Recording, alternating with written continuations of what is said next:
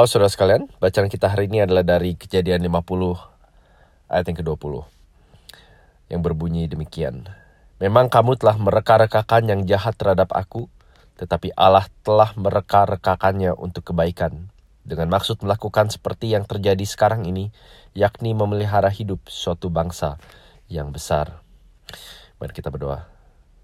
Bapak dalam surga, hari ini kami mau sekali lagi mengarahkan hati dan pikiran kami kepadamu agar kami dapat berpikir dengan lebih jelas dan jernih tentang Engkau, tentang diri kami, tentang dunia sekitar kami.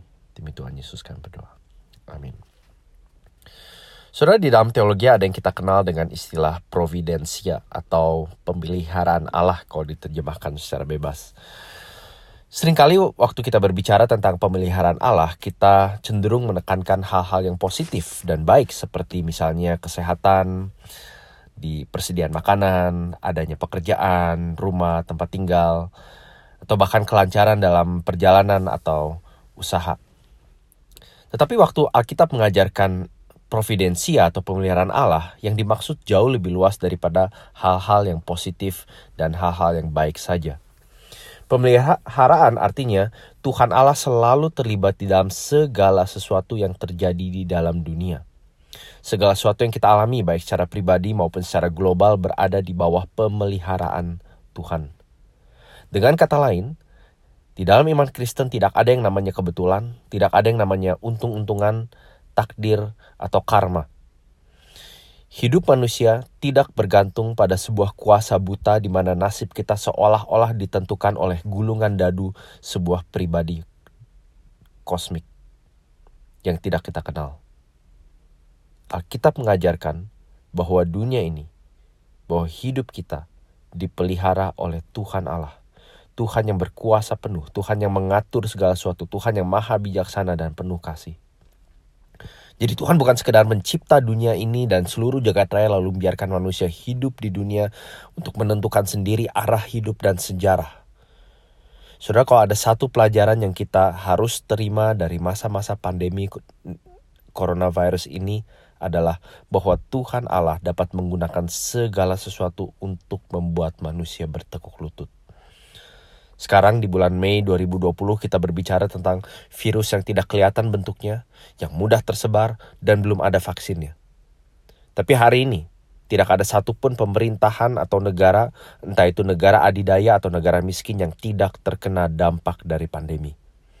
Entah Anda pejabat pemerintahan atau warga negara biasa, tua, muda, kaya, miskin, tidak seorang pun bisa menyangkal kenyataan bahwa hidup kita dipaksa untuk berubah hanya karena sesuatu yang tidak bisa kita lihat dan tidak bisa kita jamah.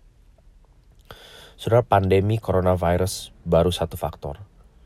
Dan Anda dan saya bisa menyebutkan belasan bahkan ratusan faktor lain yang seharusnya membuat kita sadar betapa kecil kemampuan kita untuk mengatur dan menentukan hidup kita sendiri. Coba saya tanya, berapa dari Anda yang bisa mengatakan bahwa keadaan dan situasi Anda hari ini persis seperti yang Anda bayangkan dan rencanakan lima tahun yang lalu? Jangankan lima tahun, lima bulan, atau mungkin bahkan berapa bagi berapa dari kita lima hari yang lalu pun kita tidak bisa bayangkan. Saudara bagian yang kita baca hari ini adalah babak terakhir dari kitab kejadian, di mana Yusuf berbicara kepada saudara-saudaranya. Nah, selama Yusuf, hidupnya Yusuf mengalami penderitaan demi penderitaan akibat iri hati saudara-saudaranya. Ia dijual, ia dijadikan budak, ia masuk penjara selama puluhan tahun, sampai akhirnya ketika kita sampai pada peristiwa ini, Yusuf menjadi orang kedua terpenting di negara itu. Sekarang posisi mereka terbalik. Saudara-saudara saudara-saudaranya lah yang harus mengemis belas kasihan pada Yusuf. Tetapi bukannya menghakimi atau membalas dendam, Yusuf mengatakan kata-kata agung ini.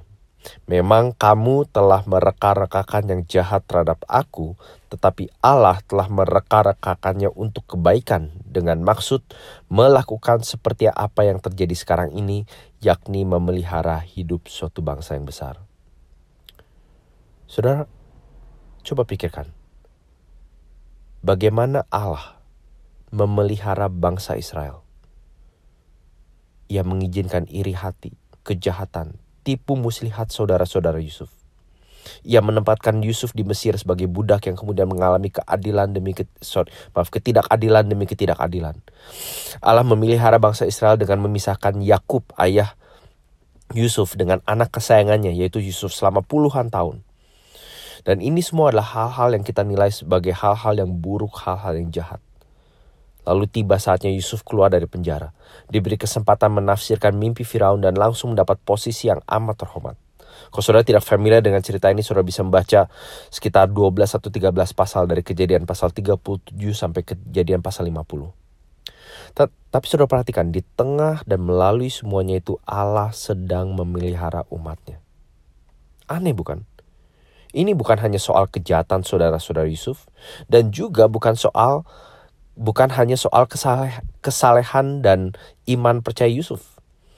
Halaman demi halaman Alkitab adalah kesaksian tentang bagaimana Allah di dalam bijak sana dan kebaikannya memelihara dunia ini dan umatnya. Berulang kali ini menjadi pola di dalam Alkitab. Sampai kita sampai tiba pada puncaknya yaitu hidup dan kematian Yesus Kristus sendiri. Yang ia alami adalah kejahatan yang terbesar, di mana manusia menyalipkan, menyiksa dan menyalipkan, dengan kata lain menolak penciptanya. Tetapi justru kejahatan yang terbesar ini Allah pakai untuk mendatangkan kebaikan yang terbesar, yaitu di mana pencipta menyelamatkan, memulihkan ciptaannya. Sudah beberapa pertanyaan untuk Anda dan saya pikirkan hari ini. Kalau Anda sedang mengalami masa-masa sulit, betapa sering Anda merenungkan, membicarakan, atau mensyukuri bahwa ada Allah yang memelihara hidup Anda. Lalu dalam situasi hidup sehari-hari, apakah cara Anda bereaksi terhadap ketidaknyamanan, kerepotan, atau kesulitan yang Anda alami? Apakah itu menunjukkan hidup yang bersandar pada pemeliharaan Allah? Lalu kalau Anda merasa Allah melupakan dan meninggalkan Anda, ingatlah bahwa Yesus Kristus sudah mengalami semuanya itu demi Anda. Yesus dilupakan, Yesus ditinggalkan, Yesus mengalami kejahatan terbesar. Sehingga terlepas dari bagaimana perasaan Anda sekarang, Anda dapat melihat kepada dia dengan mata iman dan mengklaim janji Allah yang mengatakan bahwa ia sekali-kali tidak akan membiarkan dan sekali-kali tidak akan meninggalkan Anda. Saudara, Allah juga memakai umatnya, Anda dan saya, untuk menjadi sarananya memelihara orang lain dan memelihara dunia ini. Apakah cara Anda berbicara, cara Anda bertindak, cara Anda berespon terhadap orang lain, merefleksikan kebaikan dan anugerah pemeliharaan Allah yang Anda sendiri sudah terima. Mari kita berdoa. Bapak hari ini kami bersyukur sekali lagi diingatkan bahwa Engkau adalah the God of Providence, Allah yang memelihara. Engkau begitu cermat dan teliti memelihara setiap kami. Sehingga Bapak kadang rasanya hanya kamilah satu-satunya manusia di dunia yang engkau sedang perhatikan. Berulang kali umatmu sepanjang sejarah dapat menyaksikan pemeliharaan dan kebaikanmu. Memang Tuhan, dalam hal tertentu kami harus akui kami tidak dapat melihat langsung semuanya dan bahkan hal baik yang kemudian akhirnya engkau kerjakan dalam hidup kami pun kami tahu itu hanya uh, sebagian kecil dari begitu banyak hal baik yang sedang dan telah dan akan kau kerjakan bagi kami. Bapak kami bersyukur dan biarlah ini boleh mengarahkan hati kami untuk senantiasa takut dan taat dan juga me merefleksikan kasih pemeliharaanmu pada orang lain. Tolong kami untuk tidak sekedar mengamini bahwa engkau memelihara kami, tapi biarlah kami menunjukkannya dengan bagaimana cara kami berbicara, berinteraksi,